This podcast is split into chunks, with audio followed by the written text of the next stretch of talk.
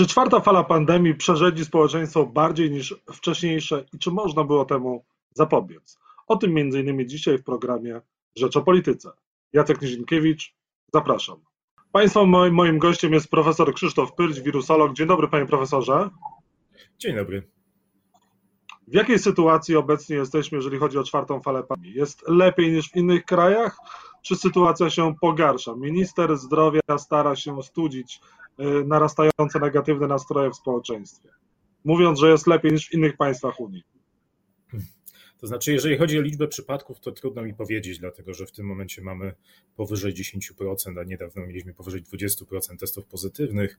W związku z czym no, jakiekolwiek wnioskowanie przy takim, mm, takich wartościach na temat tego, ile tych realnych przypadków jest, e, no, jest nieuprawnione.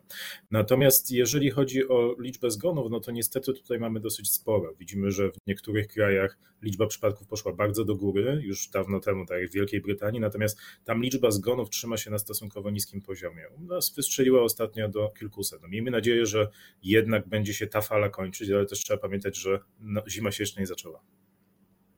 No właśnie, ma być szczyt e, w grudniu w okolicach świąt i pytanie, do ilu tych zakażeń możemy spodziewać się dobowo i ile zgonów może być, bo, bo w którą stronę to idzie? Niech pan nam, e, niech nam pan, pan ostrzeże może jakoś mniej politycznie niż politycy, którzy wypowiadają się chyba bardzo politycznie.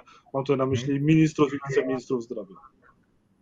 E, no jeżeli chodzi o to, w którą stronę to idzie, no to to jest pytanie głównie w tym momencie do e, zespołów matematycznych, które modelują tą pandemię. E, no oni jakby zgodnie mówią, że idzie w górę. I tutaj to też widzimy, że cały czas ta, ten odsetek testów pozytywnych jest wysoki, w związku z czym te osoby będą chorowały, będą lądowały w szpitalach, ale pamiętajmy o tym, że te osoby, które dzisiaj są wykryte, one niestety wylądują w szpitalu dopiero za jakiś czas, a umrą za jeszcze kolejny tydzień.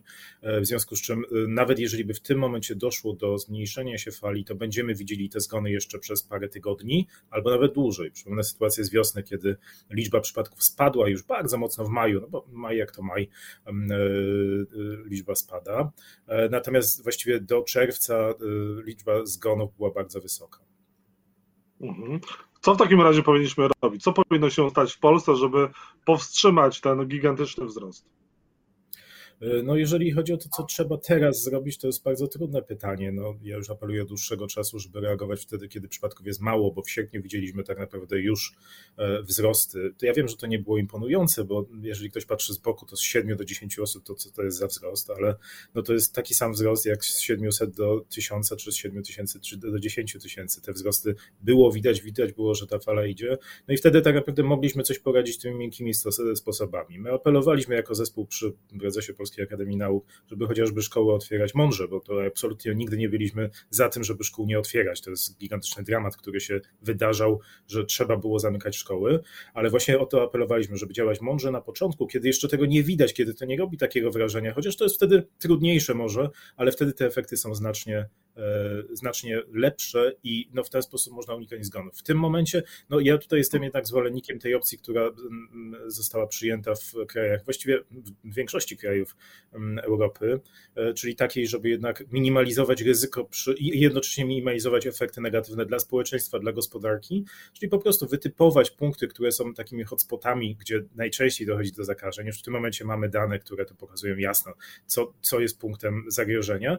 I jakby no, mimo wszystko ograniczyć dla osób najwyższego ryzyka, czyli tych, które nie są zaszczepione, możliwości przebywania tam i w ten sposób zmniejszyć ryzyko dla nich, co w tym momencie jest jakby już ich personalną sprawą, ale co ważniejsze dla nas wszystkich. Po pierwsze, dlatego, że te osoby znacznie, jeżeli się zarażą, znacznie częściej wylądują w szpitalach i e, no niestety służba zdrowia już jest w tym momencie niewydolna, już nie mówimy w czasie przyszłym, e, szpitale już w tym momencie przestają funkcjonować dla zabiegów rutynowych, to będzie miało swoje odbicie, jeżeli nie teraz, to w kolejnych latach w liczbie chociażby chorób nowotworowych, e, a po drugie, dlatego, że osoby, które są niezaszczepione, no znacznie łatwiej tego wirusa przenoszą na inne osoby, a pamiętajmy, że szczepionka to nie jest magiczna tarcza, która mm, działa w 100% i niestety widzimy, że ta efektywność też spada z czasem i osoby starsze na przykład mogą być wrażliwe mm, w pewnym stopniu na ciężką chorobę i niestety mogą umierać, jeżeli właśnie takie osoby im przyniosą tą chorobę.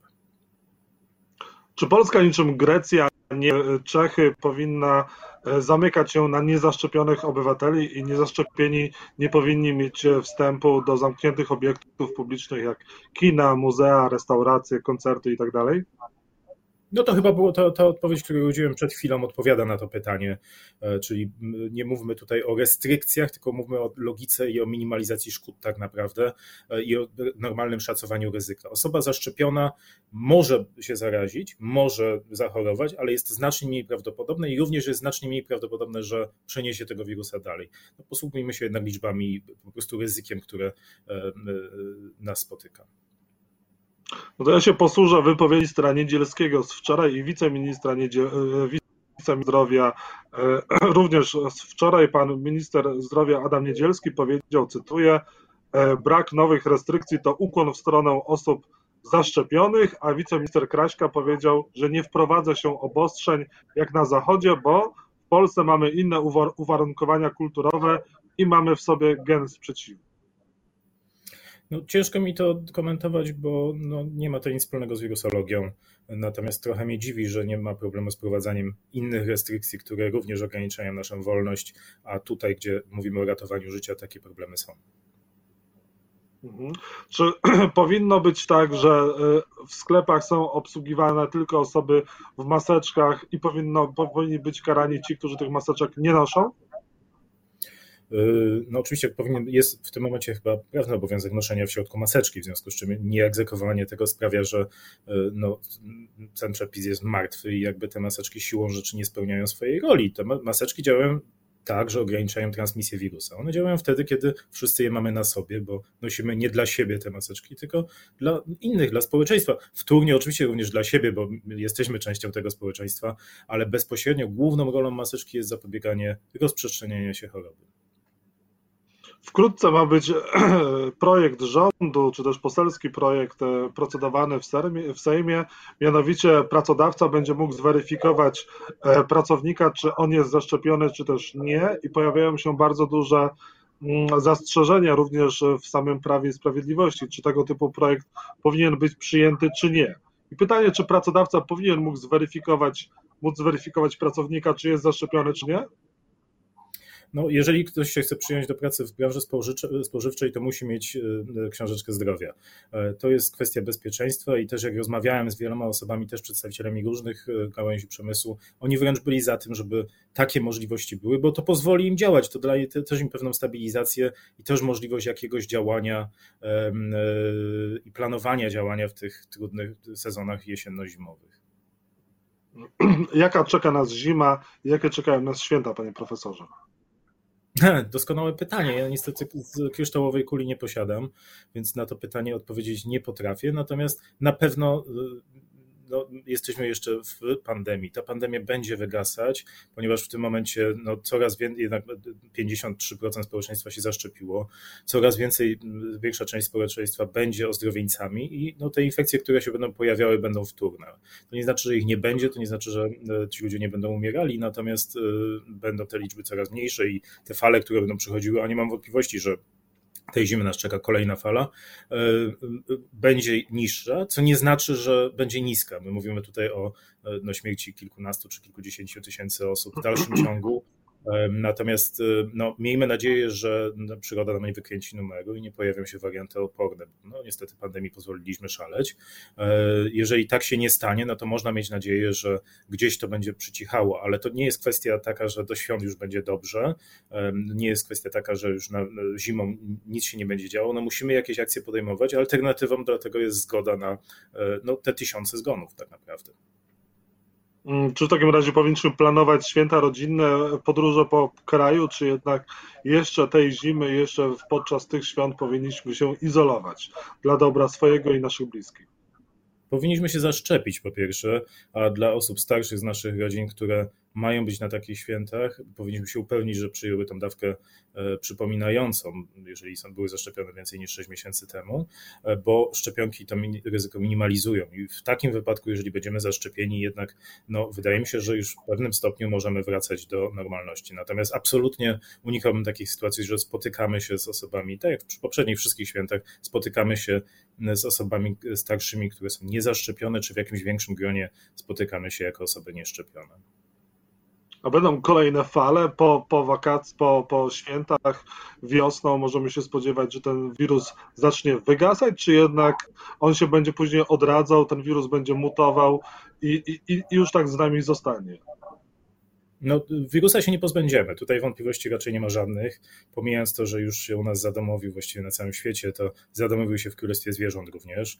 Znajduje się go w jeleni, u jeleni, u kotów. Ostatnio trzy pantery śnieżne niestety zdechły właśnie z powodu koronawirusa. Także ten wirus, nawet jakbyśmy wymyślili jakiś taki pomysł, że pozbędziemy się go zero COVID, to to się po prostu nie uda. On do nas wróci. Natomiast to, co się prawdopodobnie wydarzy, tak jak mówię, to jest przyroda, tutaj nie ma pewników, ale to, co się prawdopodobnie wydarzy i to, co się wydarzyło w poprzednich pandemiach, pandemiach, ten wirus z nami zostanie, on będzie powodował zakażenia, będzie powodował również zgony, ale przestanie być problemem aż tak dużym społecznym.